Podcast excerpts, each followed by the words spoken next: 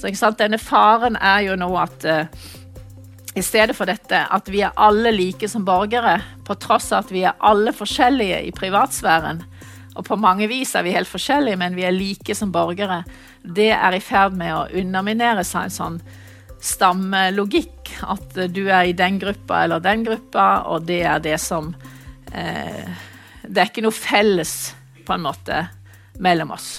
Vår tids offermentalitet og moralisme ødelegger for sunn enighet og skaper store utfordringer for demokratiet vårt, mener Janne Haaland Matlari.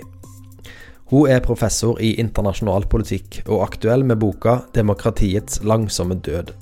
Boka er både en kjærlighetserklæring til et kontinent i djup krise, og en brannfakkel i norsk politisk debatt. Dette er et opptak fra Kapittelfestivalen 2022 på Sølvberget. Eh, det at det er så mange her på en sånn dag, så tidlig, det borger jo veldig godt for demokratiet, da. At dere orker å møte opp halv ni i regnværet. Eh, jeg kom fra Bergen i går, så jeg fikk min dose da av eh, bølger over Boknafjorden og regn på veien. Det var en fin, eh, fin opplevelse. Og jeg er mandalitt, så jeg er vant til kysten. Da vi var små, dro vi jo da til Stavanger når vi skulle til riktig, en riktig stor by. Så det var jo hyggelig å komme tilbake her. Jeg skal prøve å problematisere eh, demokrati. Det er jo en kjempe, kjempe eh, på en måte problematikk. Um, og jeg har skrevet en bok som uh, har solgt veldig mye, som har ligget på disse såkalte bestselgerlistene i et halvt år. Og den kom ut ja, for et halvt års tid siden, akkurat da krigen i Ukraina begynte. Den kom ut, ble lansert 3. mars uh, av meg som da hadde covid. og testet meg etterpå, men det gikk fint for alle.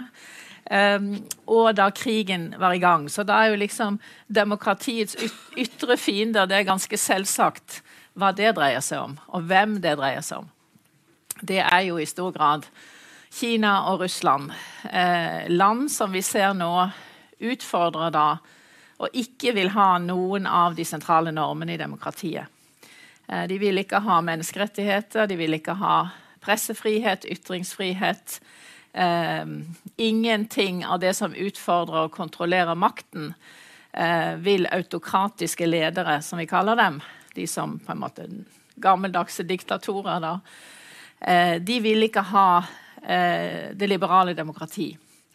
Eh, vi som vil ha det, derimot, vi er jo i en presset situasjon internasjonalt nå med en krig i Ukraina, med et uh, Kina som er veldig aggressivt, uh, med mange land som frykter på en måte menneskerettighetsproblematikken. Iran i øyeblikket. Denne stakkars jenta som ble drept fordi hun hadde hijaben på feil vis. Altså, det er jo en represjon, det er en undertrykkelse som, som er minst like sterk og farlig som den har vært før i tiden. Og Samtidig så bør vi da spørre hvor sterke er vi innad i våre demokratier? Er vi klar over hva vi, hva vi står for, hva vi vil forsvare? Så denne boken ble til med et sånt fritt ord. Eh, håper å si spark med noe penger fra Fritt Ord. For egentlig å se på dette splittede samfunnet i USA har vi også den splittelsen i Europa. Og hva går denne polariseringen, at man sitter i hver sin skyttergrav og ikke kan være enige om noen fakta? Hva er disse dynamikkene? For det er jo det som er farlig. Uh, The Economist, uh, som er en veldig god, veldig god, kilde til analyse, hadde sitt siste nummer med eh, frihetsgudinnen i spagat, og det heter The Disunited States. Og vi er jo da avhengige av USA på veldig mange vis. Sikkerhetsmessig er vi jo helt avhengige av USA. Nato uten USA er ingenting. Så det indre, det ytre, som jeg vanligvis studerer, og det indre, det, eh, det griper over hverandre. Jeg skrev i en DN-kronikk at eh, hvis vi ikke vet hva vi forsvarer, hvis vi altså ikke har noe felles å forsvare, så eh, har vi ingen forsvarskraft heller. Da hjelper det ikke med mye våpen hvis ikke vi vet hva vi står for. Eh, og jeg syns at Ukraina eh, Det at det folket som er da Det er jo et av verdens mest korrupte land. Ekstremt eh, Et ekstremt på en måte like korrupt som Russland. Masse, masse problemer ikke sant? i et, et digert land hvor korrupsjonen er i alle nivåer. Hvis du kjører inn i Ukraina, så blir du stoppet på politisperringen. Eh, og så skal du si 'Kan jeg kjøpe dem en kopp kaffe?' Og så sier da politimannen 'ja takk', og så gir du en viss sum. Så kjører du videre til neste sperring og gjør det samme. Og sønnen min, da han skulle til en venn i Ukraina, kom til tredje sperring, så sa politimannen 'prøver du å bestikke meg?' Og da betalte han dobbelt. Men altså, det er et system hvor hvis ikke du tilpasser deg korrupsjonen, så på en måte faller du utenfor. Så I det landet eh, som har så dype problemer, så ser vi nå en nasjon reise seg som kjemper mot en eh, okkupant, med, kjemper mot Russland, med hele folket. Så det er tydelig at det finnes noe som heter en nasjon, et nasjonalt fellesskap. Det Putin sier ikke finnes. Ikke Han sier det finnes ikke noe Ukraina, det finnes ikke noe nasjon som er ukrainere. Det er bare russere alt sammen. Men vi ser jo nå tydelig at det finnes absolutt en eh, forsvarsvilje i et land som har så mye indre problemer. Så det er ikke noe perfekt demokrati i Ukraina. Det er et ekstremt dårlig demokrati med mange problemer. Men det er da tydeligvis et, noe felles eh, som er den nasjonale identiteten. Og det bringer meg da til de indre problematikkene eh, i denne boken min. Eh, så jeg har bare nevnt da hvordan omlandet vårt eh, for Vesten Vi er jo vant til å tenke at Vesten er så sterk. Vesten, eh, Vestens normer er de som alle vil ha. Alle vil bli demokratier etter hvert. De vil bli som oss. Globaliseringen gjør at alle lærer av oss. De vil inn i EU og i Nato og osv. Men disse landene, Kina, eh, Tyrkia, Russland eh, og mange andre vil jo ikke ha demokrati, for da kan ikke de sitte med makten. Putin vil jo ikke overleve et demokrati, og heller ikke kinesiske ledere. Eh, og vi ser jo at på tross av pandemien, som lammet hele verden, hvor vi alle var i samme båt, så, og som oppsto i Wuhan, Kina, så har jo Kina vært ekstremt eh, aggressivt eh, mot Hongkong-demokratiet, eh, mot uigurene. Eh, overvåker egen befolkning med sånn artificial intelligence fra millioner av kameraer, så du har ansiktsgjenkjenning. Du får poenger for hvor eh, patriotisk du er ut fra hva dine synspunkter osv. Så, videre, og så, videre. så det er en eh, Kina Man sier ofte at eh, liksom, Russland er vi alle opptatt av, men Kina er store, den store problematikken fremover, som også amerikanerne sier. Så vi kan se at eh, verden som vi, vi, i Vesten som fremmer demokratiet um, Vi er jo Jeg vil ikke si vi er et lite mindretall, da, men det er et stort spørsmålstegn hvor mye eh, makt vi har til å stå for disse prinsippene. Og når jeg sier demokrati, så mener jeg da veldig basiske normer for, for samfunnet, som også er reflektert i folkeretten i FN-pakten. Det gjelder på den ene side fundamentale menneskerettigheter. De er i FN-pakten. De er altså universelle normer for hele verden. Man skal følge de. Og så er det um, det som ligger i disse menneskerettighetene. At du har rett til frie og hemmelige valg. At du har rett til privatsfære. At du har rett til Eh, bestemme som foreldre over dine barns utdannelse. At du har frihet til å gifte deg og skille deg fra hvem du vil. Eh, altså en, en, rekke normer som vi tar for gitt, som er i de menneskerettighetene, og som ikke er gitt eh, i veldig mange land. Eh, og også denne normen om at et land bestemmer seg, over seg selv, den har jo med demokrati å gjøre. Det at suvereniteten til et lite land som Norge er like gyldig som suvereniteten til et stort land som Russland. Og Det er jo noe som Russland, Kina og andre ikke vil egentlig respektere. At når et land er akseptert i FN som et medlemsland, så er det et land med egen bestemmelse. Og der ligger jo konflikten med Russland og Nato. Når Jens eh, Stoltenberg sier at Nato, NATO har en åpen dørs-politikk. Eh, dere kan komme, i, kan komme inn i Nato hvis dere kvalifiserer og er et demokrati, så vil Russland si dette er bare snikksnakk. Nato forholder seg i sitt interesseområde, og vi unnskyld, holder oss i vårt. Så liksom demokratiet som problemstilling har med eh, denne aktuelle kri krisen og krigen vi ser nå. Så da, vi, da, bør vi spørre oss hvor sterke er vi i våre demokratier.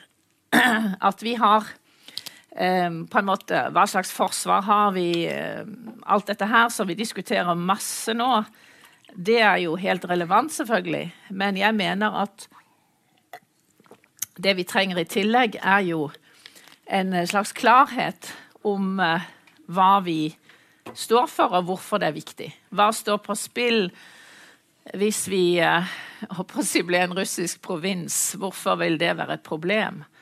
Og jeg vil jo si jo, det er fordi at vi da mistet selvbestemmelsen av friheten og our way of life. Ikke sant? At stå, når, når, vi har uh, si, for, Forsvaret er bare et uttrykk for uh, politikk og forsvarsvilje, da. Um, så ikke sant Det vi trenger å være klar over, er jo at vi er borgere av en stat. Vi er medlemmer av en nasjon. Vi har en slags sosial kontrakt med regjeringen vår. Vi gir dere mandat til å agere for oss når vi velger dere. Dere skal representere oss og spørre oss.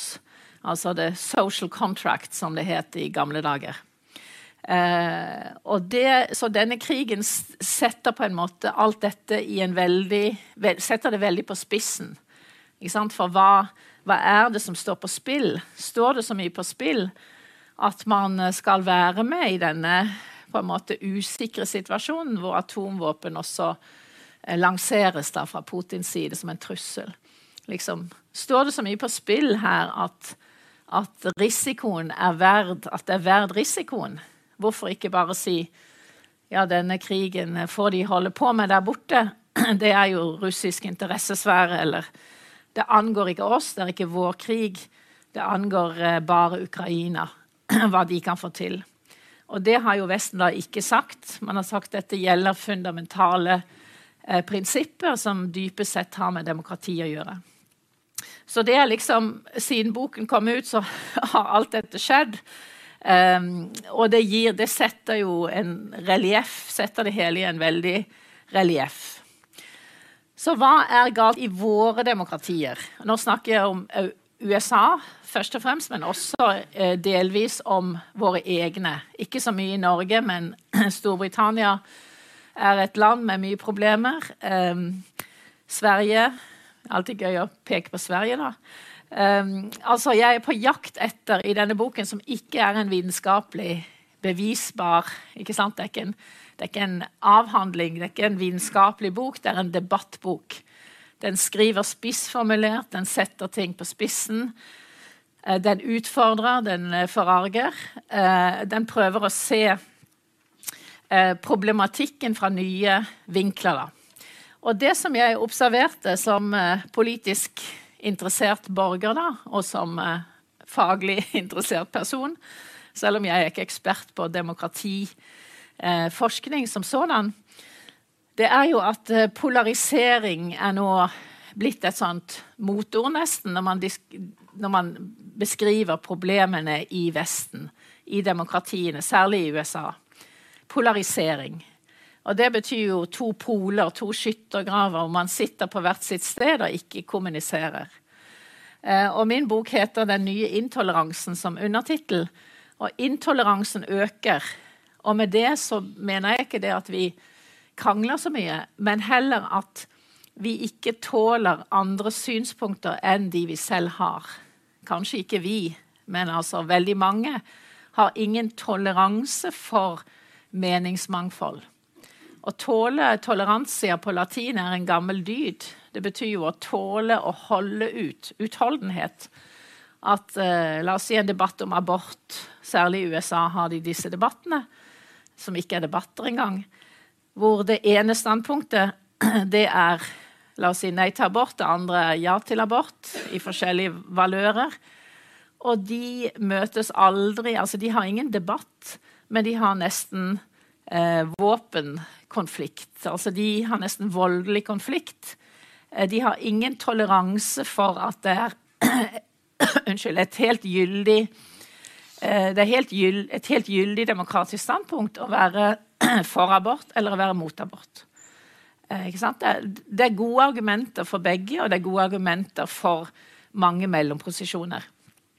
Så I USA er det blitt eh, når det gjelder våpen, det gjelder abort, når det gjelder migrasjon, eh, når det gjelder eh, nesten alle politiske spørsmål, er det blitt en, en, sånn disunited. Og Biden, da han ble valgt, han eh, lovet jo da at man skulle eh, på en måte finne det nasjonale fellesskapet igjen. Hva har vi felles? Eh, men han eh, har jo ikke greid det. Han er jo ikke en sterk president. Eh, og vi har Trump som lurer i skyggene der. Sånn at det er en reell fare, skriver The Economist, for at man kan få en, en ja, De snakker om en civil war, en borgerkrig i USA. Og den går jo foreløpig altså, Jeg tror ikke det blir en borgerkrig i à la 1871 eller 1861.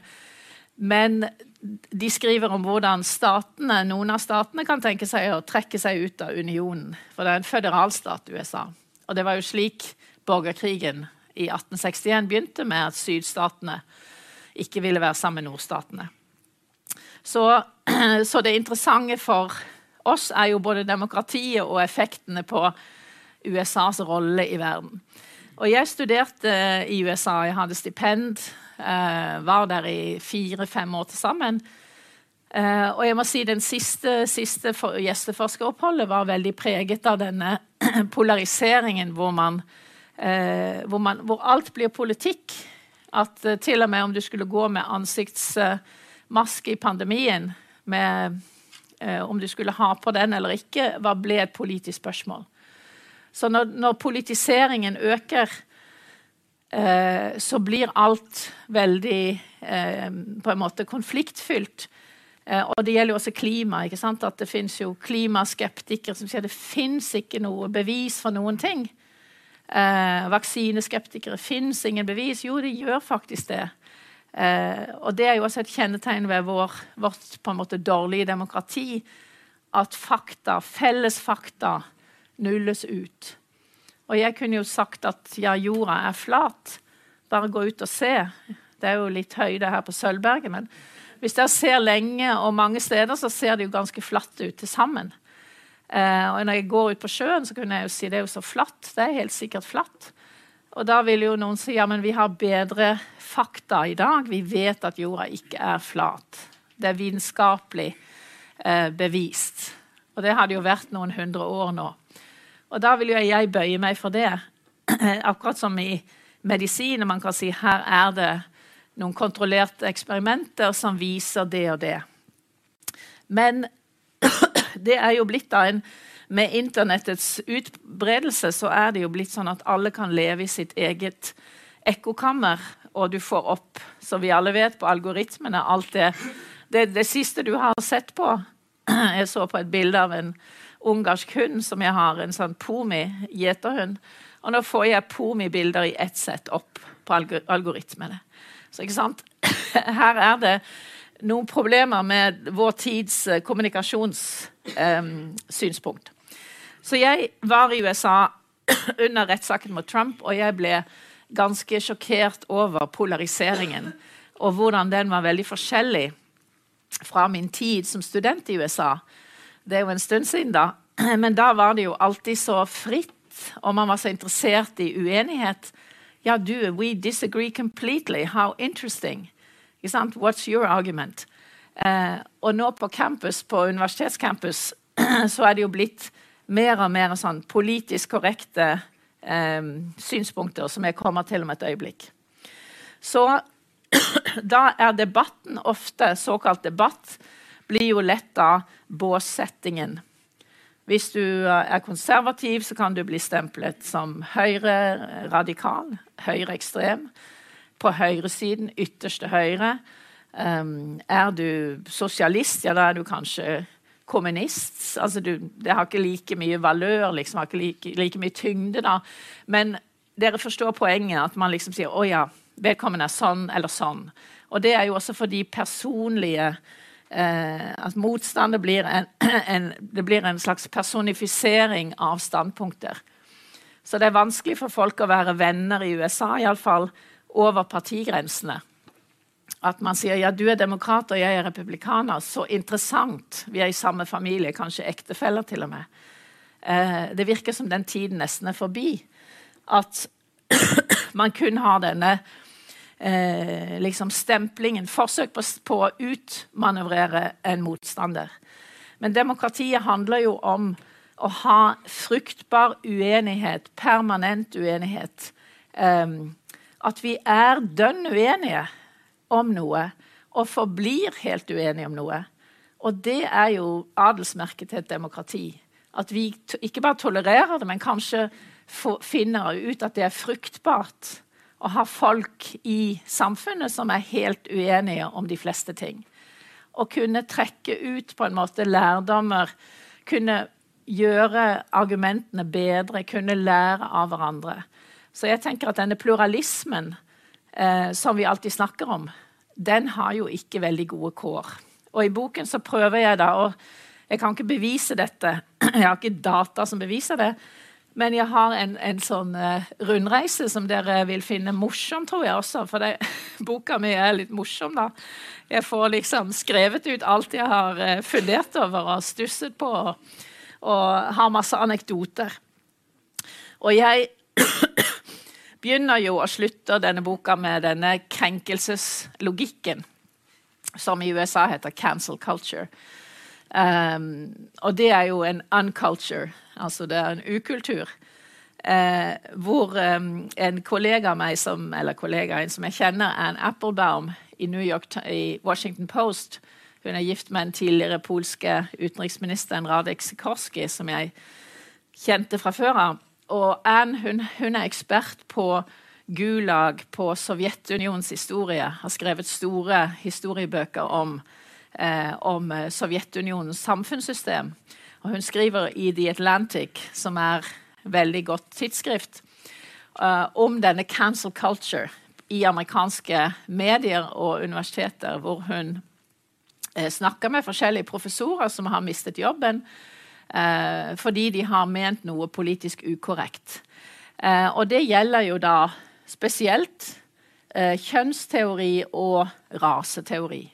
Altså wokeism, som det kalles. Å være woke betyr å være våken. Men eh, det er liksom kjennetegnet på denne kritiske teorien som har mye for seg, men som også er veldig farlig. Og med det mener jeg da at ja, kritisk teori det er jo en variant av marxismen, og det betyr at du tar et skritt tilbake og ser på strukturell makt i samfunnet. Karl Marx sa jo eh, Han pekte jo på den strukturelle makten som den reelle makten. Hvem eier produksjonsmidlene? I eh, amerikanske cowboyfilmer så rir helten inn i solnedgangen da, i en ny landsby, og han spør ikke Uh, Han sier ikke 'What's the name of the sheriff in this town?' Nei, han sier 'Who owns this town?' Altså, hvem har makta her? Ikke hva heter han med sheriff-stjerne på seg, for det spiller kanskje ingen rolle, men hvem er det egentlig som har makta her? Og det er strukturell makt. Og kritisk raseteori er jo nettopp det. Gå bak liksom fasadene og se på hva er de strukturelle faktorene som gjør at svarte ikke har samme sjanser som hvite. Og det er jo, det er jo berettiget som bare det i USA. Det er jo virkelig Eh, der er det jo virkelig strukturelle raseproblemer. Det er få hvite og svarte som er gift med hverandre, f.eks. Mens det er helt normalt i våre samfunn. Og det gjelder jo også eh, radikal kjønnsteori, som vil si nei, biologisk kjønn, alle kjønnsroller, alt kan dekonstrueres. Så dette er store ideologiske debatter, og det er bra. Men det som ikke er bra, det er jo intoleransen man praktiserer disse kan man si, ideologiene med. Uh, for så skriver Anne Applebaum et eksempel. En, en komponist som heter Daniel Elder i Nashville, som kritiserte at tilhengere av uh, Black Lives Matter eh, brant ned politistasjonen da, da, han Floyd ble drept. Denne voldsomme reaksjonene på et mord på, for åpen scene av politiet. Uh, da, men du, det er jo ikke riktig da at du går og, og brenner ned politistasjonen likevel. Uh, og da fikk han sånn motbør at han fikk ingen oppdrag. Han ble kansellert som komponist. Fikk ikke opptre som musiker. Og Det er bare ett av mange eksempler. Og det er jo også noe på britiske universiteter hvor man har hatt eh, veldige sånne Nå skal vi omskoleres, nå må man ha kvoter, nå må man eh, aldri si noe positivt om britisk historie, for det er imperialisme. Jeg tenkte her gikk forbi en butikk står kolonialhandel. Egentlig burde vi ikke bruke ordet kolonialvare, for det er fra koloniene. Altså Du kan på en måte holde på lenge, lenge med dette. Uh, og det er greit å være kritisk, men man må jo være det en åpen, med en åpenhet for andre synspunkter. Hvem har det beste argumentet, hvem har det beste beviset? Men det som har skjedd, er jo at det er blitt en sånn fryktkultur i denne wokeism. At folk blir redde for å ytre seg eh, med noe som kan krenke noen. At det blir en sånn subjektiv krenkelseskultur. At eh, f.eks. en, en del feministteori er jo at du Hvis du ikke blir sett på i et møte, så er du oversett. Da er det en krenkelse. Men hvis noen ser på deg, det er klart Du skal ikke sitte og stirre på én person i et møte, men hvis noen da ser på deg, så det, kan det være en krenkelse. Så ikke sant, altså, du, du er sjakkmatt i utgangspunktet i en subjektivisering, liksom at jeg er krenket, jeg er diskriminert. Du er personlig en overgriper, da, egentlig. Så da er debatt om, om eh, på en måte tematikk blir til personlige eh, på en måte, Jeg er et offer for deg. Og dette, dette ser vi jo eh, altså Den manglende evnen til å skille mellom sak og person. Sier ja, her er et problem, rasisme, hvordan skal vi analysere det? Hva er teoretiske grep vi kan ta? Alt dette er jo normaliteten.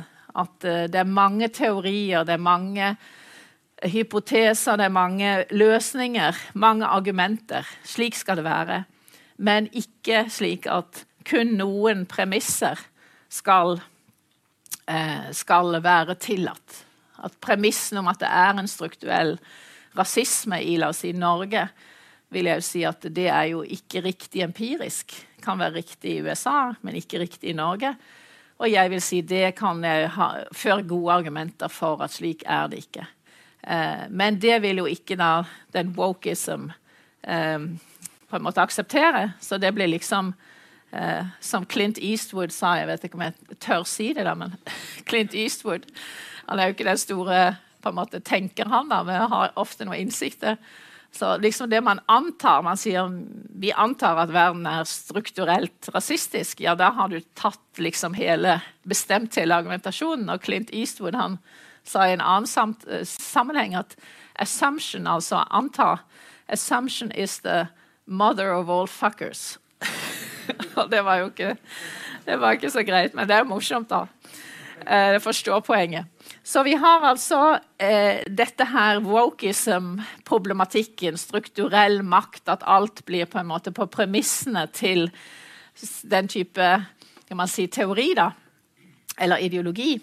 Og det er jo ofte et venstresidefenomen i, demokrati, i demokratipartiet demokratene i USA, så er dette den ytterste venstresiden i partiet.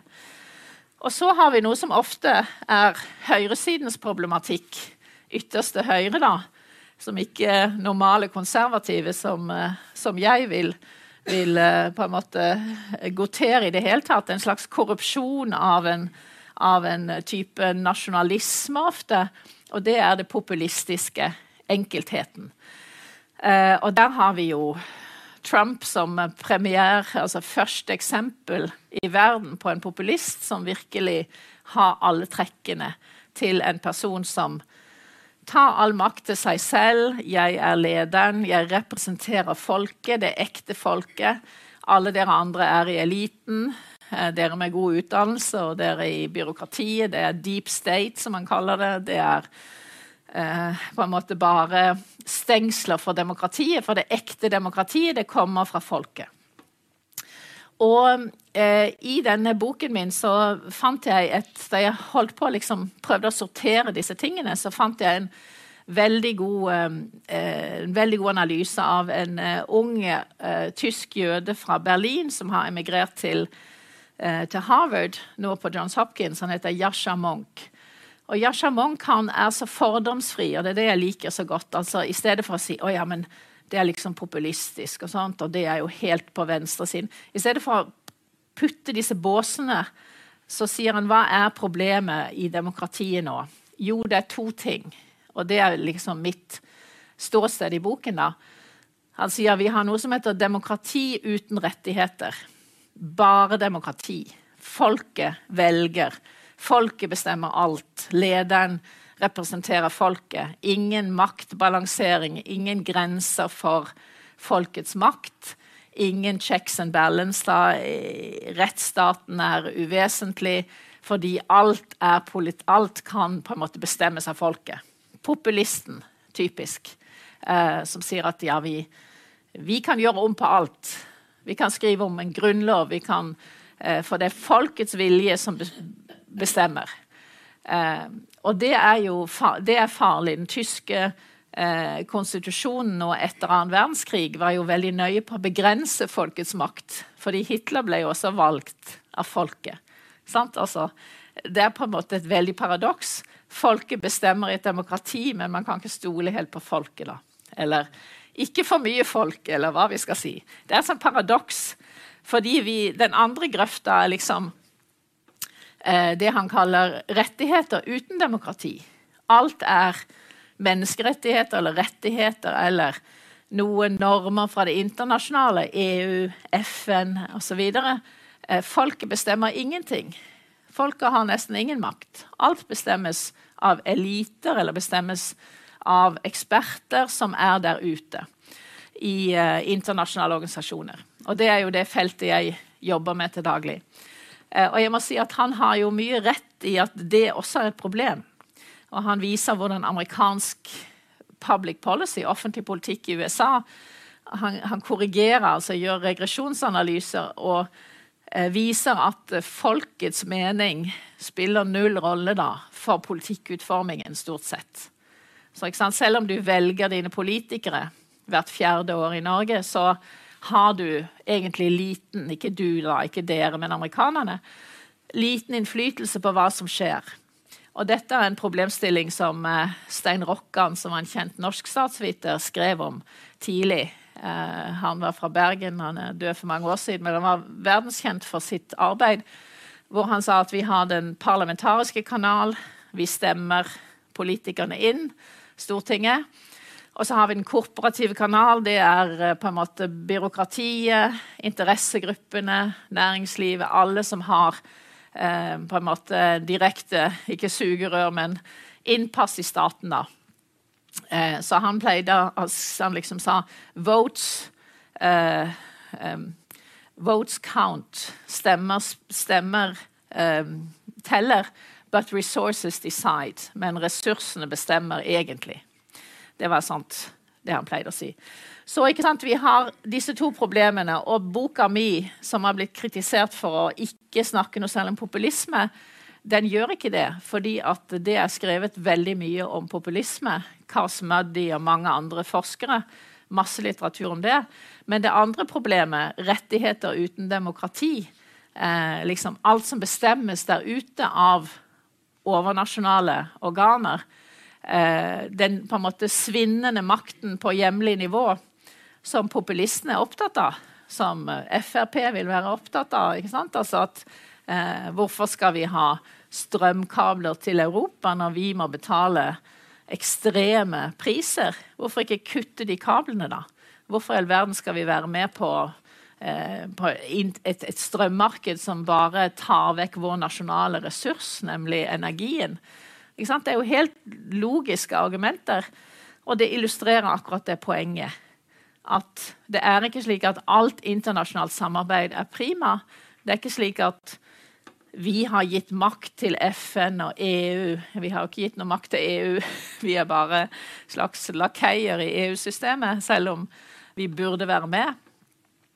Eh, det er altså veldig mye maktutøvelse som er, ikke er forankret i noe demokrati, da, hvor man ikke har mandat fra folket. Så ikke sant, vi har et problem med at avmakten er stor. Makta er flyttet ut av norske nasjonalstaten og den svenske og hva du vil. Flyttet vekk fra folk flest, som er demokratiets eh, sant, Folket er demokrati, og du må stole på at folk kan vurdere eh, saker og kan stemme. Ellers ville du ikke hatt, vært noe poeng av stemmerett. Så det er mye makt som er på en måte gradvis ut av nasjonalstaten. Eh, og da også har vi et problem med på en måte debatten som vi har hjemme, at den ofte er blitt preget av disse, disse sakene. Så jeg begynner boken, som jeg sa, med denne turen til USA. Eh, og den har jeg snakket om. Og så drar jeg til Sverige på demokratiseminar. Det er uh, morsomt å lese om, tenker jeg. Det er uh, om uh, Segerstedt, som var Torgny Segerstedt, som var den eneste i Sverige under annen verdenskrig som virkelig våget å stå opp mot Tyskland. han var redaktør i Sjøfartstiden i Göteborg sammen med en karikaturtegner som heter Ragnvald Blix, sønn av Elias Blix, norsk salmedikter, for de som husker, husker skolens salmebøker. Og han, Elia, han Ragnvald han hadde en fantastisk penn, satire. Altså noen tegninger som, som uh, han også hadde i München, Simplicissimus, som var et sånt protestskrift i München i 30-årene, men så ble det for farlig å være der, så han kom til Gøteborg i stedet. Slo seg sammen med eh, Torgny Segerstedt. Um, og, og, det er uh, f.eks. Quisling som kommer, uh, og så um, sier en da liksom Han kommer til et møte, og så sier en 'Quisling, I presume'. Liksom. Du er en Quisling. Og han sier ja. Altså det er veldig, veldig høyt nivå på den protesten. og det ble så plagsomt at uh, svenskekongen innkalte Segerstedt til Slottet for å be han slutte å skrive. Og da skrev han enda mer. Så det seminaret det er altså skulle snakke om demokratiets problemer. da.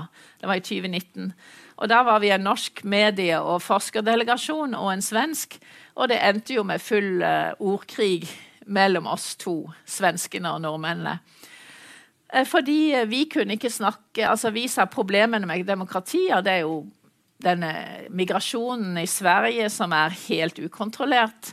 Um, liksom, hva er planen for dette? Hvordan skal det begrense den? Hvordan skal det integrere? Um, det er jo Sverigedemokraterna som dere ikke kan snakke med, men de er det tredje største partiet. Nå er de vel det andre største partiet. Eh, det er liksom vold i eh, Vanlige borgere har rett til å ha en stat som har kontroll på volden i Som har kontroll på territoriet overalt i landet. Det er liksom basisen for enhver stat. Eh, er ikke det et problem i Sverige? og så videre. Og de svenske svarene var veldig sånn nei. Sverigedemokraterna kan vi jo ikke snakke med, punktum. For det er fascister. migrasjon det er bare veldig positivt på alle vis. Det er ikke noe å problematisere. Radikal kjønnsteori, at alt er strukturelt på en måte kjønnet mot kvinner osv., det er jo det er premissen. Slik er et moderne samfunn. Det ble altså veldig mange av de på en måte elite Ikke elite, det er gærent ord, men en, en, en hel haug med, med, assumptions ble da presentert som, som fremskrittet folkeretten er Eller internasjonalt samarbeid er alltid fantastisk bra.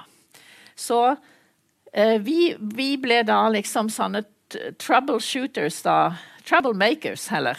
I Sverige. Og det var tydelig at denne åsiktskorridoren der, altså hva du får lov å snakke om og problematisere og si ja, men hva med det og hva med det, den var ganske trang. Den var ganske sånn inn i, Den var ganske forstått, da. Det er litt sånn konsensussirkelen. Dette må du være innenfor, ellers blir du liksom stemplet som høyreekstrem eller populist eller Det var veldig tydelig. Og Derfor så ble det en svær debatt, og så avlyste de dette seminaret etterpå. da. Så vi, Det er ikke noe mer eh, debatt om det. Men det var interessant. Det var mye i Göteborgsposten om hvordan de norske liksom ville snakke om ting som man ikke snakket om i Sverige. Og dere ser jo at I Sverige er det jo blitt annerledes nå. Nå var jo altså mangelen på kontroll med eh, disse gjengene altså fysisk sikkerhet på gata for den vanlige svenske, det var jo hovedsaken i en valgkamp. Akkurat som det ville vært i altså, Mexico. Der er det farlig å gå ut. Masse vold. Samme i visse deler av Sverige. Og det er ganske utrolig at det er sånn er det blitt. Og Sverigedemokraterna har jo da de begynte å snakke med flere og flere partier. Så mitt poeng er da, uansett hva jeg eller du mener om disse eh, temaene og disse aktørene, så er det jo realiteter man må forholde seg til. Så vi kan jo se at liksom den åsiktskorridoren som var veldig sånn veldefinert i svensk offentlig debatt, den har blitt mye videre, fordi realitetene har jo slått inn. Eh, så tar jeg en tur til London. Et annet tema som også var på dette Sverigeseminaret, at disse som stemte for brexit, de var jo dumme. De var uinformerte, de var manipulerte. De var populisttyper fra Nord-England eh, som var ganske primitive. Det var liksom eh, forståelsen av dem. Og veldig mye av fordommene mot brexit-velgerne, de som ville ha brexit, finner vi også i, i eh, mange andre land. Liksom, eliten sa jo dette er forferdelig med brexit. Og den norske vi skal kalle det eliten, det er jo ikke så mye elite, da, men kommentatorer og politikere som, uh, i Norge som ikke vil inn i EU, de vil jo ikke at britene skulle gå ut av EU. Så ikke sant, de sa brexit er helt forkastelig, dere må bli i EU. Uh, mens da de samme uh, folkene vil jo ikke si Norge må nå inn i EU. Så det er altså en veldig motsetning. Men det som interesserte meg, er det altså ikke for eller mot EU, men det er Hvorfor syns man at brexit-velgerne var på en måte ikke skulle respekteres noe særlig? At ikke de hadde synspunkter som var gyldige og respektable? F.eks. demokrati. Få kontroll på grensene sine, bestemme mer selv. Eh, mye overnasjonalitet i EU som har bare gradvis blitt slik. Og dette har jeg jo grede på, for jeg har jobbet med det i mange, mange år. Eh, at det er klart eh, Det er en gradvis overføring av, av beslutningsmakt til Brussel som ikke er vedtatt, som ingen har spurt folk om, men som er blitt slik. Europaparlamentet er et eksempel på at de har nå halvparten av beslutningsmakten, og de representerer egentlig ingen velgere. De er valgt, men de representerer ikke Sverige eller Danmark osv. Så så det var et interessant fenomen. Og i London ble det jo en voldsom polarisering.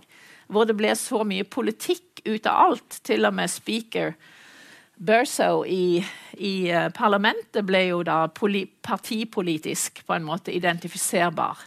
Altså det, det ble veldig Istedenfor å si la oss diskutere dette og med EU, la oss sitte oss ned og finne en løsning. Dette, og EU-kommisjonen var jo heller ikke nådig at disse britene de skal nå virkelig erfare at det å forlate oss, det skal ikke gå ustraffet.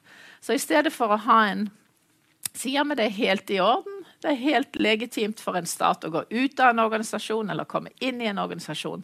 La oss finne et, en god løsning her. Så ble det så på en måte, Det var så liten respekt for andres synspunkter.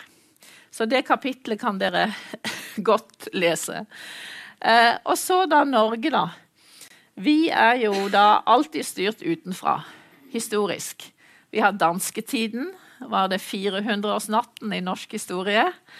Det var jo til Danmark vi skrev her fra kysten.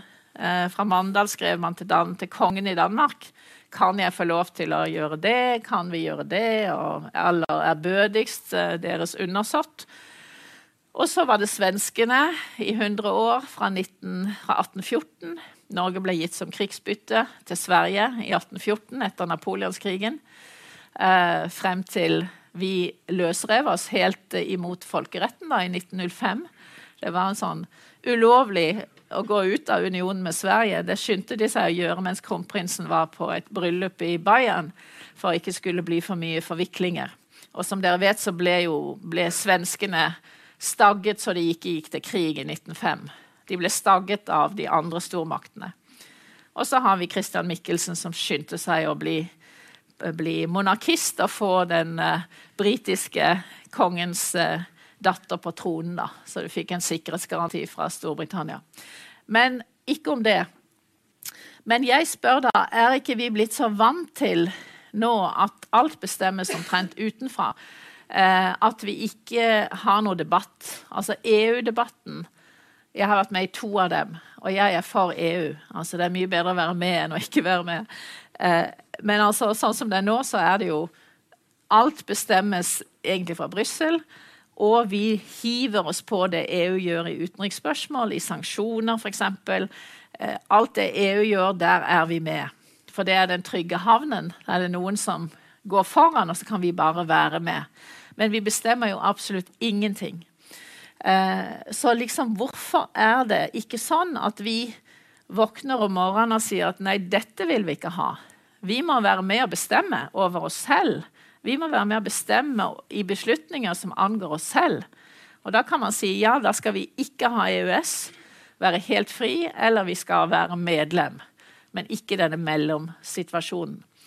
Og jeg illustrerer det også ved å si at eh, Åsmund Olavsson Vinje, han var altså, Det er jo ikke veldig klart hvorfor han er relevant her, da. Åsmund Olavsson Vinje han kom til Mandal i 1846 på ski fra Vinje i Telemark.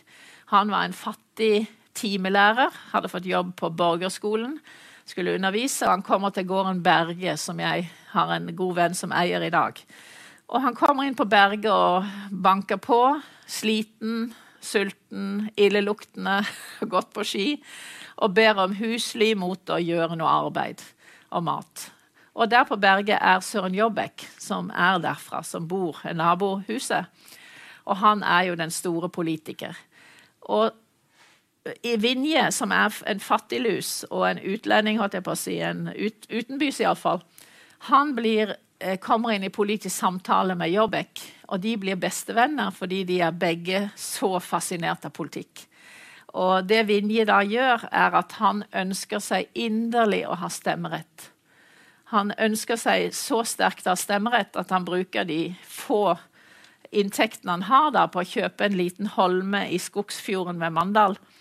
Eh, en bitte liten holme som er det billigste han kunne kjøpe, for du måtte ha eiendom for å ha stemmerett på den tiden. Og da sa mandalittene ja, Vinje har stemmerett ved lavvann. Og det hadde han jo da. Så ikke sant, altså, det at ønsket om å bli borger, om å ha noe å si, om å være et politisk eh, aktør, da, det tar vi jo selvfølgelig for gitt, for vi har jo stemmeretten medfødt. Men altså, det er veldig rart at vi, at vi i tiår etter tiår nå er helt fornøyd med å ikke ha noe innflytelse på, på det som bestemmes om oss og over oss.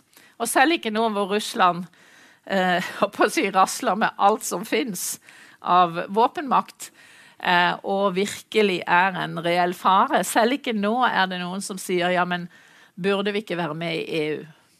Fordi det er ikke liksom Det er ikke på agendaen, eller Jeg vet ikke hva. Men det er, det er jo et sånn paradoks, er det ikke det, hvis vi er demokrater? Eh, og jeg tenker vi må være mye mer eh, på ballen som borgere. Kritisk til overnasjonalitet. Til eh, I Norge er det jo sånn at når FN i norsk presse Noen har fått en jobb i FN. Hva står det da i norsk presse? Jo, det står 'toppjobb i FN'. Og det er samme om du er liksom en eller annen jobb. Og hvis en nordmann får en jobb som er en toppjobb i FN, så er jo det sannsynligvis fordi vi betaler så mye inn i FN-systemet. Men det er ikke det verste. Det er jo på en måte litt sjarmerende. Men når man sier da i pressen, eller politikere sier FN sier at FN mener dette, og FN eh, står for sånn og sånn. Ja, Da kan du gå inn og finne ut at FN står for absolutt alle standpunkter du måtte ha. Du kan finne en setning i et FN-dokument til inntekt for ethvert synspunkt om migrasjon, om, om eh, ja, Gud vet hva. Du kan finne eh, Selv om FNs bærekraftsmål står her inne, og de er ganske klare hva de går ut på, så kan interessegrupper og de som vil påvirke nasjonal politikk, finne seg sitater og finne seg eh, FN-anbefalinger på alle felt. Så ikke sant, Vær kritisk til overnasjonalitet. Det samme med EU. Eh, hvem har gitt mandat til det og det? Finnes det? Um, så vi er blitt liksom sånn at ja, det kommer fra FN, det kommer fra EU, det kommer fra Nato. Ja, da er det bra. Det er liksom sånn, Alt som kommer fra det internasjonale rom, er bra. Men der foregår det jo så mye maktpolitikk. Selvfølgelig gjør det det, fordi det er mennesker vi snakker om. Så den, eh, liksom, Og det er et problem, fordi hvis ikke du kjenner disse organisasjonene og ikke følger internasjonal presse og debatt, så er det jo vanskelig å kjenne lusa på gangen ikke sant? og kunne ha noe kritisk syns, synspunkt på ting. Og så til slutt så går boken da drar jeg på tur til min manns hjemland, som er Ungarn. Og det er jo heller ikke politisk korrekt. da, men Ungarn er jo en ekstrem prygelknabe for tiden. Med god grunn, pga. Orban, selvfølgelig. Men jeg kjenner jo det landet inn og ut gjennom mange, mange år. Eh, og det er også et land med ekstremt frittalende borgere. Veldig eh, ikke konfliktsky, ikke politisk korrekte, veldig eh, direkte. Eh, og de er jo eh, De syns konfrontasjoner og konflikt og debatt, skarp debatt, helt uenige om ting, det syns de er helt normalt. Og det er sånn en sånn sjokk fra liksom, kommer fra Sverige eller Tyskland, og alt er veldig sånn, korrekt til disse her gærningene i øst. Det ville Østen, som jeg kaller det. Så det er morsomt å lese. Håper dere vil synes det er morsomt. Um, det er, men det er et alvorlig punkt her. Altså, Orban er en populist. Han er jo læregutten til Trump. Han vet godt hva han gjør. Um, men mange vil ha ham. Han vil gjenvelges jo stadig. Det er ikke fordi de er hjernevaska. Det er jo fordi at de, de tingene han vil eh, selge da i valgkampen, Eh, familiepolitikk, støtte til familien. Eh, kristendommens betydning i tusenårige nas ungarske nasjon. Eh, veldig mye som er liksom Kan bli høyreradikalt tankegods, ser på Putin, men som også er legitime problemstillinger. Majoritetskultur i et land. Eh, foreldrerettigheten til å bestemme hva du skal lære på skolen. Eh, familiens betydning, eh, støtte til barnefamilier. Veldig mye av dette gir ham velgere som er helt seriøse, som du og jeg, som sier dette er viktige ting.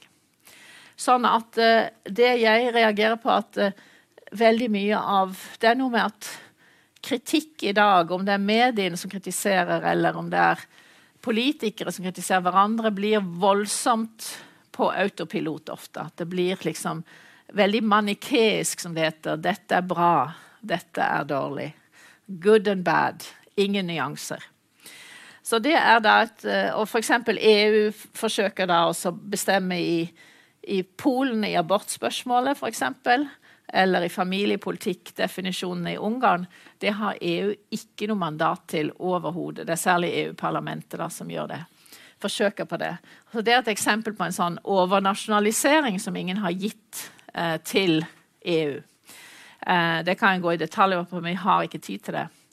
Så cancel culture i siste kapittel eh, Det er jo liksom det mest intolerante vi ser i demokrati i dag. For da er det ikke spørsmål om du setter Du sier ja, men jeg er ikke enig i premissen din, the assumption. Uh, devil is in the detail. Hva antar du om kjønn? Hva antar du om rase? Er det slik at du er Når du er svart, så er du altså for alltid dømt til å være en del av en gruppe uh, som er svart, uh, og det definerer livet ditt. Er det riktig? Um, altså, er det faktisk riktig? Eller kan du bli sånn som Kwasi Karteng i finansminister i Truss-regjering. Det er jo den mest sånn, jeg håper å si, fargeblinde mangfoldsregjeringen som har vært tror jeg, noe sted. Både Boris Johnsons og hennes. Og det passer jo ikke inn i dette narrativet om at de konservative diskriminerer. Fordi det er en kvasi-kvarteng. han er vel eh, afrikansk, et afrikansk land. Han er bare så briljant som økonom. Så det er liksom eh, på en måte Å sette spørsmålstegn ved alle disse premissene, da, det er jo ikke lov i denne cancel culture, og det er derfor den er så problematisk. Det er spørsmålene som man skal ha, eh, ikke på en måte at alle må ha samme premiss. Eh, så på slutten så eh, har jeg også noe som ikke er kanskje politisk korrekt. Jeg snakket om viktigheten av eh, vår vestlige tradisjon, ikke fordi den er vestlig. Og vestlig, hva betyr det? Det er noen som har sagt noe heter vest i verden. Men altså den europeiske tradisjonen, da. Eh, hva er det? Den er jo da utskjelt av wokism som eh, diskriminerende og som eh, liksom roten til alt ondt. Men i vår egen tradisjon så finner vi jo eh, dette menneskesynet som er det helt vesentlige for demokratiet. Antikken eh, er jo da Platon og Aristoteles den fantastiske eh, utviklingen av filosofi om hva et menneske er, om hva et menneske rasjonelt kan tenke seg til, tenke seg frem til. Uh, og det er jo det store ved antikken, at det er ikke lenger slaver ja, De hadde slaver, og de hadde kvinner som ikke var ansett som rasjonelle. Så de hadde jo sine blind spots, absolutt.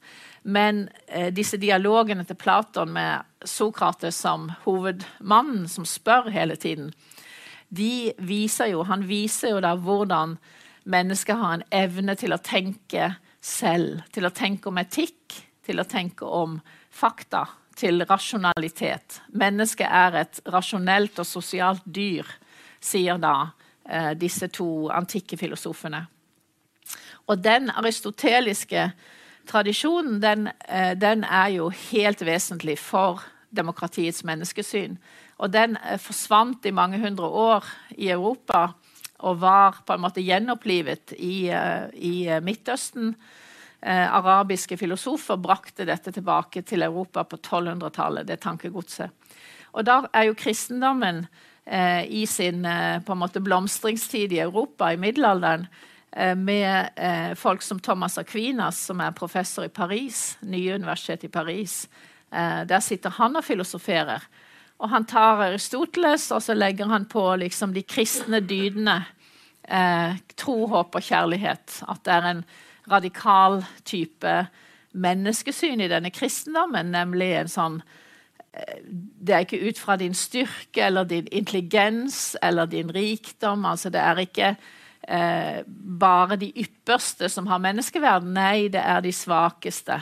Det er jo det paradoksale med kristendommen på denne tiden. At her kommer det noen som sier at eh, ja, men det er ikke bare de som er ledende, som skal lede, men det er samme menneskeverd for fattige, eh, syke. De siste skal bli de første, de nederste ved bordet. Lasarus, eh, barmhjertig samaritan. Alle disse Bibelhistoriene handler jo om denne radikale likheten i menneskeverd. Og dette menneskesynet som, som er en antikken pluss denne radikale kristendommen, blir jo basisen for både menneskerettigheter og dette med likhet, postulatet om likhet. Likhet for loven, eh, likhet i menneskeverd, likhet i stemmeretts etter hvert. Til slutt får vi lik stemmerett. Arbeidere får stemmerett, kvinner får stemmerett til slutt. Så ikke sant?